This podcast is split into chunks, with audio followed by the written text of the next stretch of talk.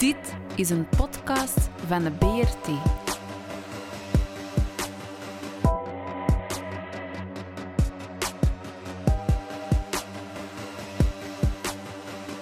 De Brabantse radio- en kleurentelevisie.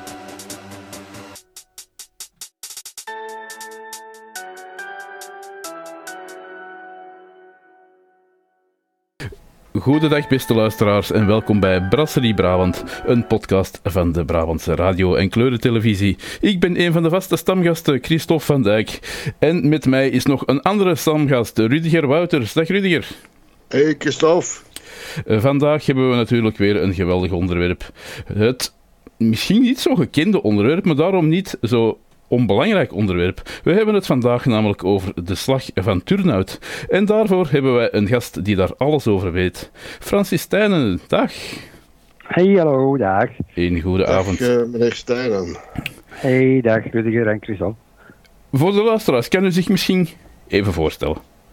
Ja, dat kan ik zeker doen. Ik ben eh Francis Stijnen. Ik ben eigenlijk van opleiding historicus. Ik heb aan de Universiteit van Leuven gestudeerd, maar dat is al heel lang geleden. Dat is van de jaren 80 van de vorige eeuw. Mhm. Eh, ondertussen eh, ben ik schepen in de stad Turnhout al sinds eh, 96. Ik ben ook een periode burgemeester van Turnhout geweest. En mijn opleiding is nu een beetje mijn hobby. Hè, dus Ja. ik ben een beetje met geschiedenis bezig in de vrije tijd. Eh, want ja, die job van schepen in Turnhout, dat sloopt toch wel het grootste deel van mijn tijd op. Ik ben schepen van financiën. Ja. Dus op dit moment heel druk, want we zijn het budget voor volgend jaar proberen rond te krijgen. Dus eh, dat is altijd ja, een moeilijke ding. Ja, en misschien over het onderwerp eh, waar we het over gaan hebben. De slag van Turnhout. Wat was dat juist? Ja, klopt. Dat is eigenlijk een, een heel belangrijke gebeurtenis in de, de geschiedenis eh, van Brabant en van, van België in zijn totaliteit. Eh men noemt dat eh, eigenlijk het begin van de, wat de Brabantse omwenteling. Mhm. Maar je zou even goed kunnen zeggen de eerste Belgische revolutie. Want eh, het heeft er toe geleid dat in dat jaar, 1789, eh, de, ja, de Vlaanderen, hè, wat toen bestond, het huidige Vlaanderen, wat bestond uit een aantal staten, waaronder Brabant, die daar de leiding had, eh, zich onafhankelijk hebben verklaard van de, de Oostenrijkers. Eh, dat Ja. heeft elf maanden geduurd. En eh, dat is toch wel, ja, laten we zeggen, de eerste keer dat eh, België onafhankelijk was. Ja, Om, om een beetje een beeld te krijgen, je hebt het over en Vlaanderen, en Brabant, en Limburg. Ja, ja het ging eigenlijk en het- over. En het Brabant is het hele Brabant, met Noord-Brabant erbij.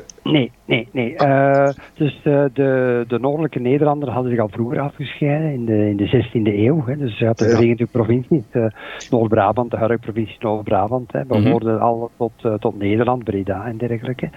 De zuidelijke Nederlanden, dat waren eigenlijk ja, elf graafschappen, hertogdommen. Dat was onder andere Vlaanderen, dat was Brabant, dat was de Namen, dat was de Luxemburg, Henegouwen, West-Vlaanderen. Dus het waren ook totaal elf. Eh, wel moet je weten dat eh, je had ook nog het eh, prinsbisdom Luik, dat er niet toe behoorde, dat eigenlijk onafhankelijk was. Maar het waren dus wel elf, laten we zeggen, onafhankelijke staten of hertogdommen, graafschappen, die onder de heerschappij zaten van Oostenrijk, dus in het grote Oostenrijkse Rijk, hè, dat zich uitstrekte tot Hongarije, eh, Kroatië, het huidige Tsjechië en dergelijke meer, maar waar dat eigenlijk de zuidelijke Nederlanden ook eh, toe behoorden. En die werden bestuurd eh, vanuit Wenen en eh, de keizer op dat moment was Jozef II. ja. En hoe is De dat dan?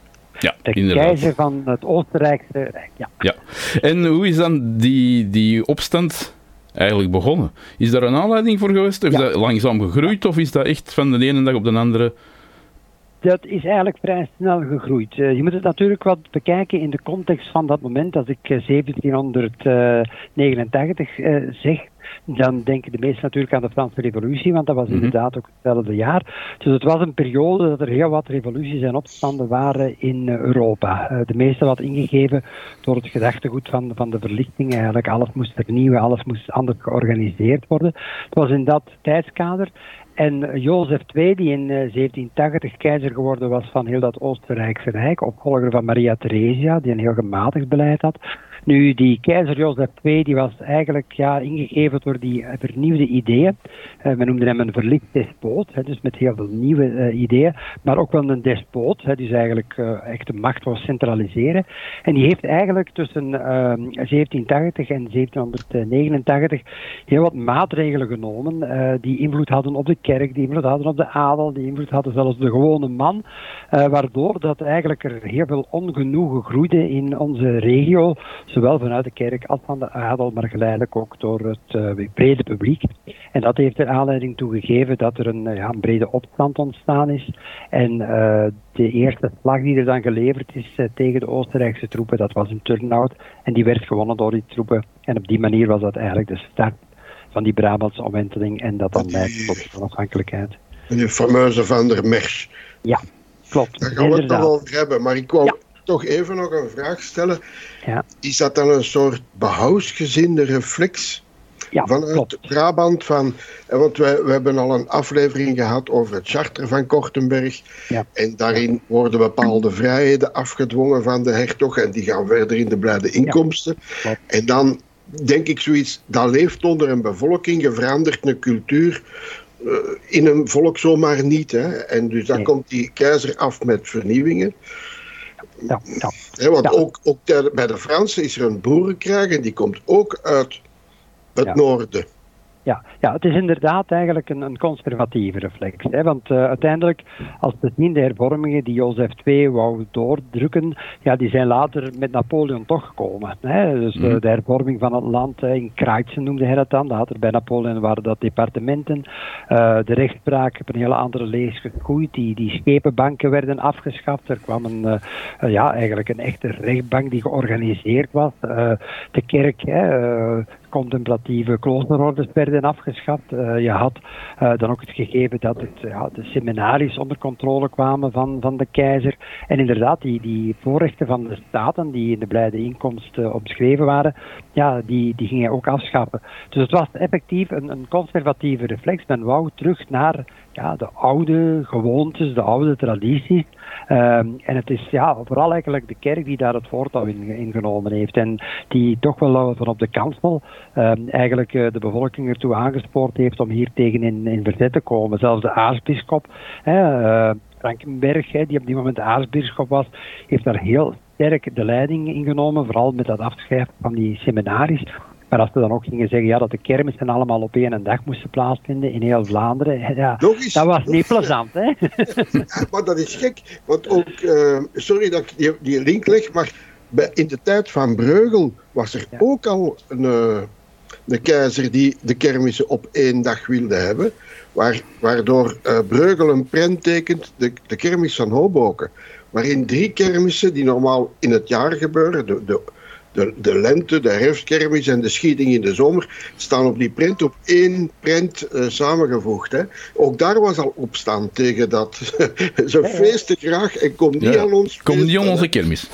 Nee, nee, voilà, voilà, voilà. En ook rond de processies en zo. Allee, allemaal van die gelegenheden dat de mensen nog eens bijeenkwamen en, en ook eens iets konden vieren. Daar, daar greep hij op in.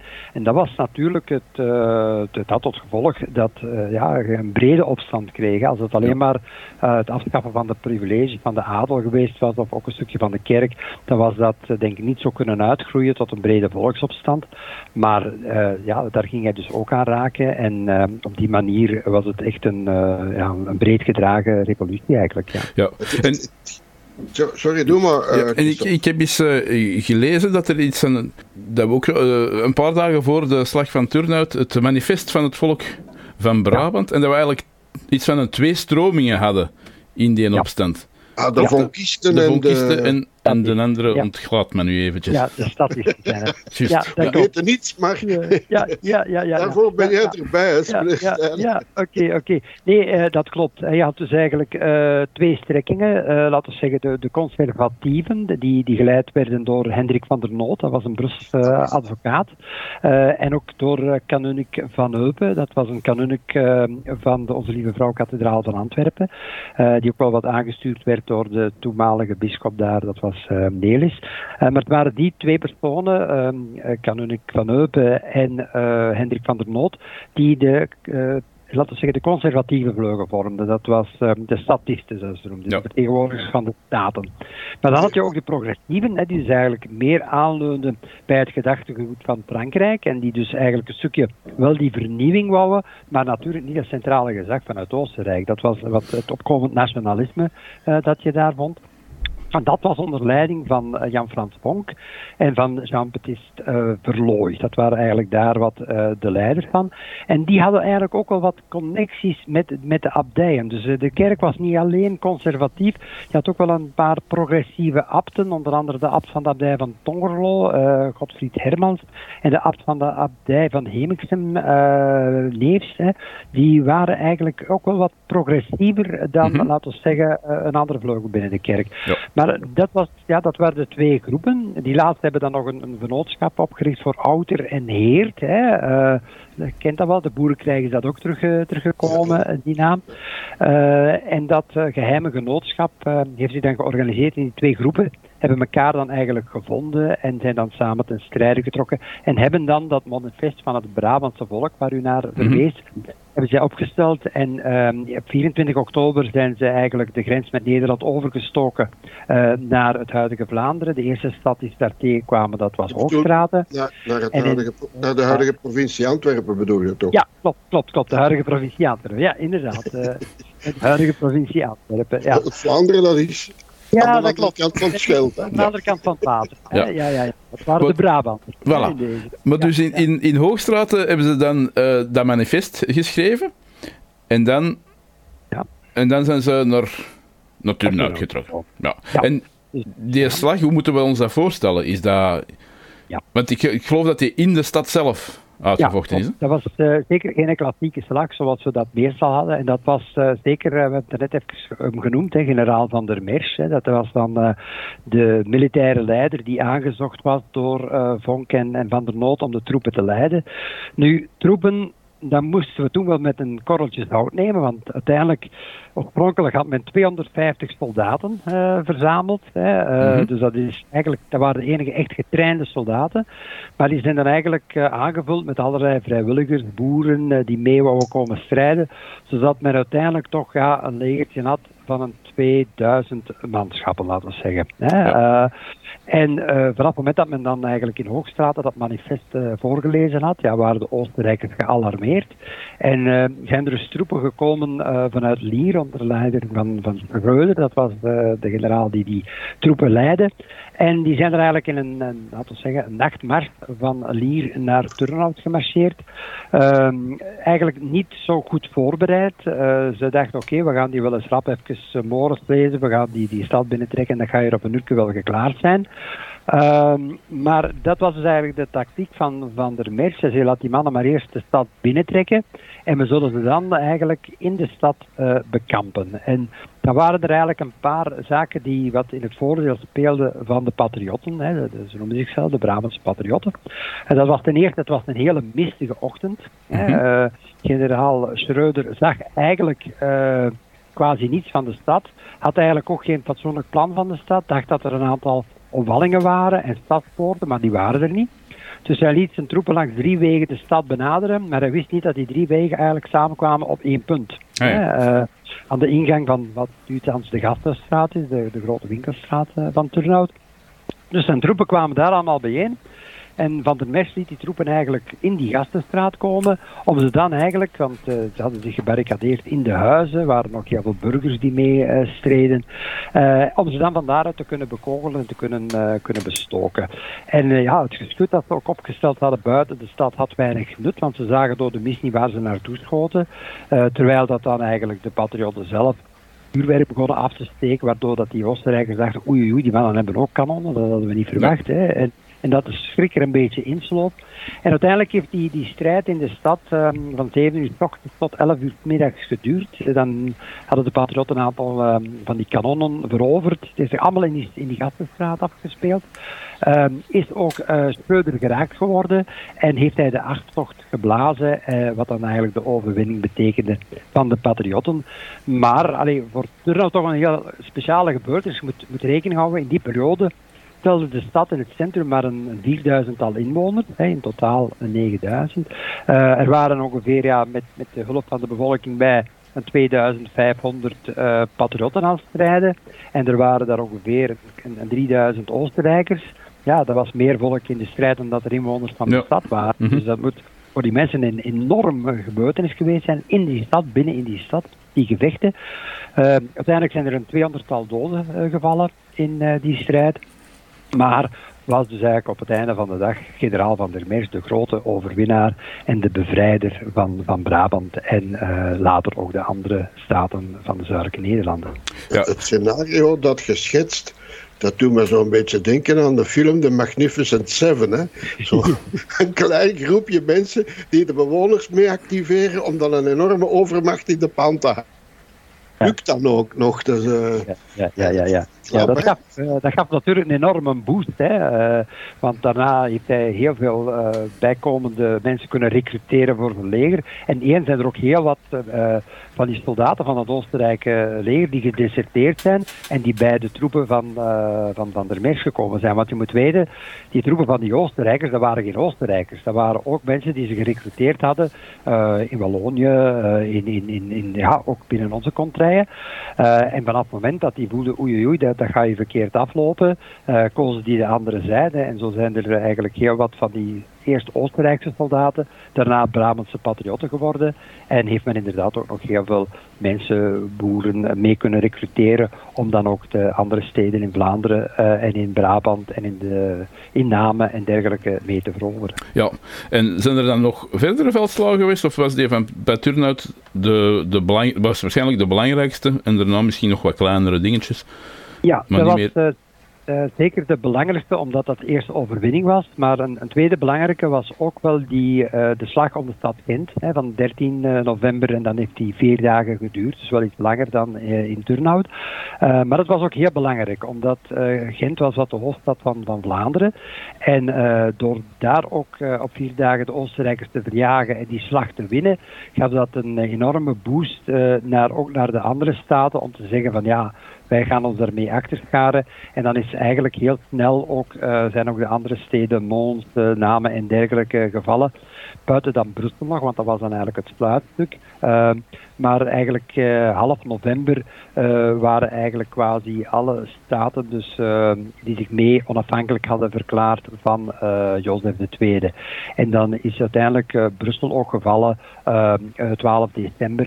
En heeft uh, Van der Noot dan samen met uh, Van Eupen een blijde intocht gedaan in Brussel op 18 december. Daar is dan eigenlijk ook niet meer gevochten, uh, want dan hebben de, de Oostenrijkers, zowel de militairen als de, de, bestuurlijke ambtenaren, zich teruggetrokken in Luxemburg en hebben daar eigenlijk gewacht tot het tij keerde om dan ja, elf maanden later terug onze contraille te veroveren. Ja, want wat is het gevolg dan? Dan wordt er in het begin van 1790 de Verenigde Nederlandse Staten gevormd. Ja, klopt. Ja, en het, het, klinkt eigenlijk heel mooi in het Engels, want uh, er is een paar jaar geleden door een, uh, een Amerikaanse historica een, een, boek geschreven. En dat boek heeft de titel The United States of Belgium, hè, The First Belgian Revolution. Hè. Uh, het waren dus inderdaad de Verenigde Nederlandse Staten en in het Frans Les États Belgiques Unis. En die eigenlijk ja, ongeveer 28 december heeft Kanunik van Eupen, eigenlijk de vertegenwoordigers van de staten naar Brussel geroepen. Uh, met de vraag van oké, kunnen wij hier een, uh, een overeenkomst uh, sluiten, een traktaat eigenlijk, een traktaat van vereniging, wat eigenlijk een beetje de eerste Belgische grondwet was, bestaande uit een twaalftal artikelen, waarin beschreven was ja, wat dat de naam dan was, dat ze elkaar zouden trouw zijn. maar het was ook een republiek. Hè. Het was eigenlijk, ik heb er vorige zaterdag nog een lezing rondgegeven, het was eigenlijk de eerste confederale republiek België. Ja, Want het was, het was geen koning, het was een republiek. Twee, het was een confederatie van die staten, uiteindelijk van die elf uh, staten, die zich verenigden en die een stukje van het gezag uh, overdraagden. En dan zie je weer die gelijkenissen met Amerika naar een congres. Hè. Het was een mm -hmm. congres dat bestuurde, een congres dat vertegenwoordigd dan had van die verschillende staten. En die een voorzitter kozen, een gevolmachtigd uitvoerend minister. En dat was dan Hendrik van der Noot, uh, dat die het geworden is, en de staatssecretaris van, uh, die, uh, van dat congres.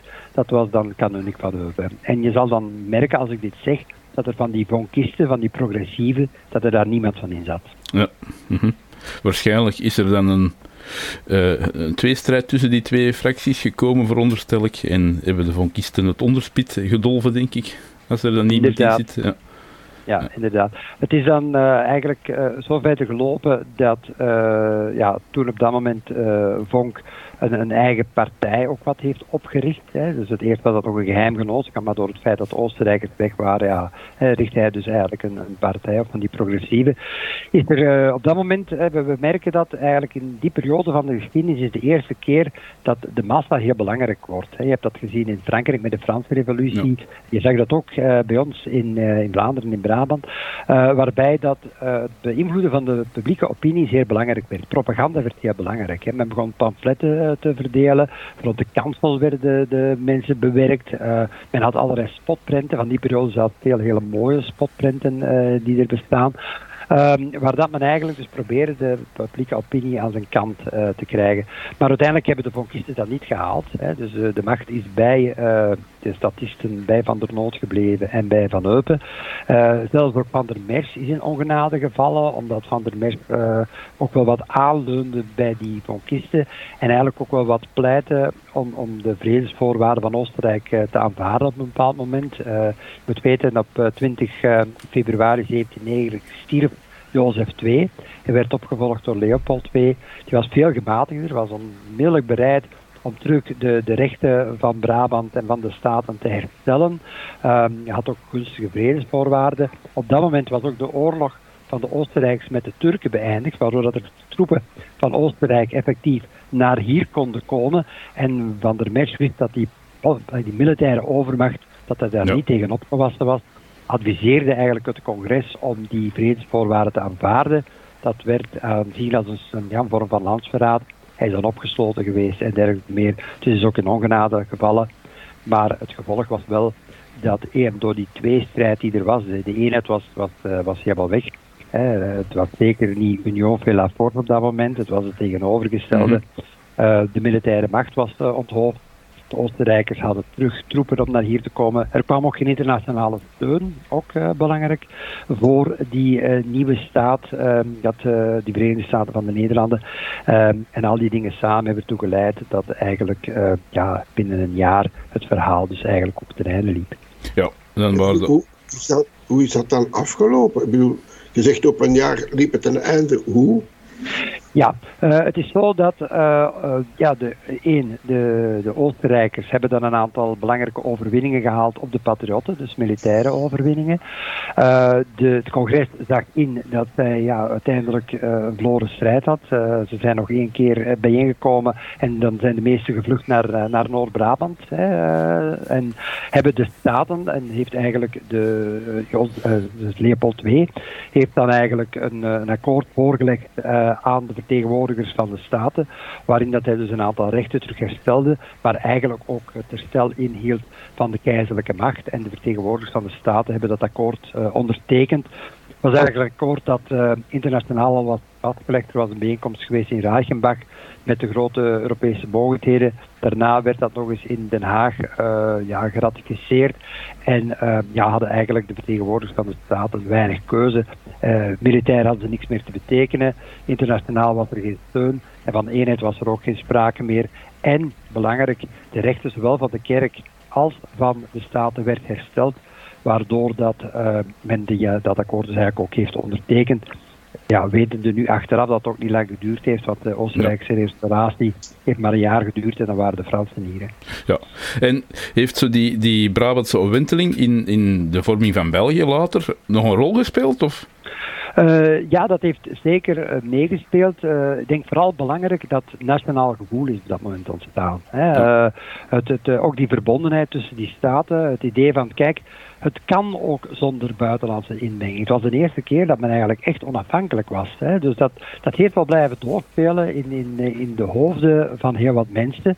Uh, om te zeggen van ja, daar moeten we eigenlijk toch voor gaan. Dat nationale gevoel, wat ook wel wat typisch was voor die periode, de romantiek, uh, het nationalisme, waren dingen die toen opkwamen. Uh, dat is toen wel gegroeid, dat is zeker blijven naleven. Twee, wat ook wel blijven naleven, is, is toch wel die ja, dat verschil tussen die progressieve en die conservatieven. Hè, uh, waarbij dat, ja, die conservatieve dan later wat uitgemond is in de katholieke partij. En waar dat die progressieve later wat uitgemond is in, in de liberale partij in het begin uh, van ja. België. Dus die dingen zijn toch wel wat uh, blijven naleven. En ja, ook wat ik daarnet gezegd heb, die opstand, die boerenopstand, die heeft toch gespeeld daarna de boerenkrijg. dus ja, er zijn toch heel wel wat dingen blijven leven uit die periode. Maar wat we wel, wel vooral moeten onthouden, dat is dat het wel een, een, conservatieve reflex was. Want als je nu zegt van ja, die Brabantse ontwenteling, we moeten dat dezelfde lees zien op dezelfde manier als de Franse revolutie, een drang naar, naar macht, meer voor het volk, afschaffen van klassieke rechten, ja, dat was het zeker niet. Ja. Hè? Dus dat was het zeker niet. Ja, en uh, weet u hoe dat komt dat dat eigenlijk zo ongekend is, die periode? Ja, natuurlijk, dat speelt er twee redenen mee. Eén, omdat het ook niet heel lang geduurd heeft. Hè. Mm -hmm. uh, moest dit nu de aanleiding geweest zijn ja. omdat België onafhankelijk zou uh, gebleven zijn na die periode, dan had er natuurlijk veel meer aandacht voor geweest. Dat was de slag van Turnhout, die dat men jaarlijks zou herdenken in Brussel als een van de grote gebeurtenissen uh, van het onafhankelijke België. Dan zal waarschijnlijk, want er is ook een, een, een, een hymne geschreven, die noemde Turnhout een eerste troost der staten. Dan was dat de Brabazon geweest van het ja. huidige België in plaats mm -hmm. van de huidige Brabazon. Uh, dus het is eigenlijk een beetje uitgelopen op een fiasco. En ja, in de geschiedenis schrijft men altijd liever of herdenkt men liever de zaken ja. die succesvol waren dan de dingen die uiteindelijk tegengeslagen zijn. Vandaar dat die periode met minder aandacht uh, wordt bekeken. Alhoewel dat er in die periode heel wat kiemen zijn gelegd en uh, ook rond heel het nieuwe rechtssysteem, uh, waar die nu, wat ik daarnet ook al zei, wat toegedicht worden aan Napoleon, maar die eigenlijk uit die periode stammen. Ja. In 2030 zouden we 200 jaar België vieren. Mm -hmm. Maar eigenlijk uh, kunnen we nu al 230 jaar Belgitude vieren. ja, ja, ja, dat, dat, dat gevoel van... Hè, de, ja, ja, ja, dat klopt. Nu, wat, wat ook wel... Allee, je voelt dat op, op dat moment ook de, de Brabanders de leiders waren van heel dat verhaal. Want we noemen nu wel hè, Vlaanderen, hè, maar uiteindelijk de, de, motor van heel die beweging, dat was Brabant, dat was niet Vlaanderen. Dus misschien ja, dat we... Dat was, dat was net mijn, mijn volgende vraag. Hè. Hoe komt dat wij constant dat ze ons in Brabant Vlamingen noemen, terwijl we eigenlijk de Brabant de motor is van... Bedoel, vanuit van, van 1480, als Maximiliaan de macht overbrengt naar Brabant, de handel naar Antwerpen. Bedoel, op dat moment is Brabant de macht en is Vlaanderen al helemaal niet meer zo sterk economisch. Ik bedoel, en toch spreekt men altijd maar van dat Vlaanderen, Vlaanderen. Hè? Ja, het heeft natuurlijk wat te maken met het gegeven van de Vlaamse taal. Hè. De, de, de strijd is eigenlijk begonnen als een beetje een taalstrijd tussen het Frans en het Vlaams. Hè. De Vlaamse taal. Hè. Men heeft nog niet gesproken over de Brabantse taal. Maar, dat maar die over... bestaat, die bestaat niet, want eigenlijk ja. de taal die wij spreken is voor een groot stuk Brabants. Ja, ja. En ja, zelfs men... het Brabants is meegegaan naar Nederland en is een goed ja. stuk van het algemeen beschaafd Nederlands is, komt, daar komt het Bra uit het Brabants. En dus Vlaams, als je mensen uit West-Vlaanderen hoort, ik, ik bedoel, dat is, dat is Vlaams hè, voor ja, mij. ja. Ik bedoel, Vlaams, wij spreken Brabants. Dat is, oh ja. Maar men heeft het zo genoemd, hè. dat is eigenlijk een beetje het gegeven. Men heeft het de Vlaamse taal genoemd en dat is dan gaan verder leven. En zeker dan ja, in die strijd om, om die, ja, die, die, die erkenning van die taal uh, en dergelijke meer, heeft men altijd zo de Vlaamse taal, de Vlaamse taal. En dan heeft dat uiteindelijk, ja, Vlaamse taal, Vlaanderen, hè, heeft men eigenlijk het geheel Vlaanderen gaan noemen. Maar er was even goed iets voor te zeggen, of misschien nog meer iets voor te zeggen, om het Brabant te noemen. Want uiteindelijk, ja, dan had het misschien Brussel veel, veel meer nog een deel geweest van het huidige Vlaanderen. Ja. Hè, omdat het, dat wel echt een Brabantse stad is. Voilà, absoluut. Ja. Die Van der Merch was toch wel een heel speciale man. We spreken, ik heb ergens iets gelezen over de Washington van, van ja. Brabant. Op dat moment. Ja. Het was wel een Vlaming, hè, Van der Merch. Hij kwam van Menen, hè. Hij was, uh, hij was eigenlijk, uh, maar hij was inderdaad, hij, hij, had eigenlijk gediend zowel in het Franse leger als in het uh, Oostenrijkse leger. was eigenlijk een, een, een kolonel op rust, hè, die dan aangezocht is om toch die troepen van die patriotten te leiden. en was, allee, ik, uh, een heel boeiend figuur. Ik heb, ja. ik heb, eigenlijk gezegd, eigenlijk kunnen we daar eens een film over maken, ja. over het ja. verhaal van Van Merch. Is er en dan in één keer de val van, van ik bedoel, de, de slag van Turnhout, ja, à la Seven, je weet wel. heel boeiend verteld, natuurlijk. Dat is een prachtige materiaal, hè, om te filmen. Is er van Van der Meers ook niet een plaatsje uit de Slansgrori-reeks? Stond mij zoiets van bij dat, er, dat hij er ook in voorkomt, maar ik kan me vergissen. Misschien moet ik het eens opzoeken.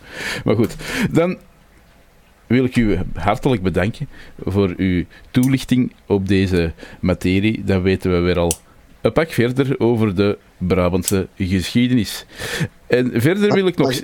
Ja, zeg maar, Mag ik nog één vraag stellen? Ja. Hebt u zelf een idee, een, een voorstel voor een leuk onderwerp Ah ja. dat je zegt, dat verdient eigenlijk ook nog wel aandacht? Hè, want we hebben, we hebben ja, Ja, ja, ja. Goeie vraag. want, turnout, u, u Ja, geeft vooral turnout, hè? Ik bedoel, Ja, nu, wat, die wat, eh, wat ook een, een heel interessant eh, gegeven is, dat is eh, de invloed en de rol van de abdijen. En dan denk ik vooral aan de abdij van Tongerlo. In onze kanterijen, want die, is, die was eigenlijk heel groot. Hè. Ja. Eh, en eh, nu heeft men het vaak over de abdij van Averboden, maar eigenlijk de abdij van Tongerlo was veel meer bepalend eh, in die periode en had, ja, had goederen van, van ja, de echten uh, kalmthout tot, tot, ja, tot, tot tegen Brussel bijna. Dus dat was eigenlijk een, een abdij die en ook heel veel bijgedragen heeft in het vernieuwen van landbouwtechnieken en dergelijke meer. En, Dus ja, en het schilderij van Da Vinci, Inderdaad, ja, dat kan je daar gaan bekijken. Dus eh, zeker een heel interessant onderwerp, de abdij van Tongerlo en wat zij eigenlijk betekend hebben. En de Norbertijnen, die be- hebben ook eh, dit jaar hun eh, viering van, hoeveel jaar dat juist is, wel weet ik niet, maar toch in ieder geval een herdenking van het zoveeljarig bestaan van de Norbertijnen. Dus in die zin is dat denk ik wel eens een leuk thema om iets over te vertellen, over de Norbertijnen in, de, in Brabant. een wat heroom van, een heroom van mijn moeder, was de conservator van dat schilderij. Ah, Ik mocht er al op heel jonge leeftijd naar gaan kijken. Ja, wel. ja, ja, ja, ja, ja, ja, dat is toch wel indrukwekkend. Het lag volgens mij ook een beetje op de Hessenroute die door de Kempen liep. Mhm, Eh. mhm, mhm. Ja, en je hebt dus, hè, dus eigenlijk de abdij Averboden, Tongerlo en Apostel. Hè. Dus dat waren de drie Norbertijner eh, abdijen. Hè. Eh, nou ja, een heel leuk gegeven om Ja. ook eens Absoluut een zeer interessante eh, suggestie voor een aflevering in de toekomst. Dus dan wil ik u absoluut bedanken. En onze luisteraars kunnen ons uiteraard altijd vinden op Spotify, op Anchor, op Google Podcast of op onze eigen site. Dat is www.b-r-t.be, de Brabantse radio- en kleurentelevisie. Bedankt allemaal en tot de volgende keer. Dit is een podcast van de BRT.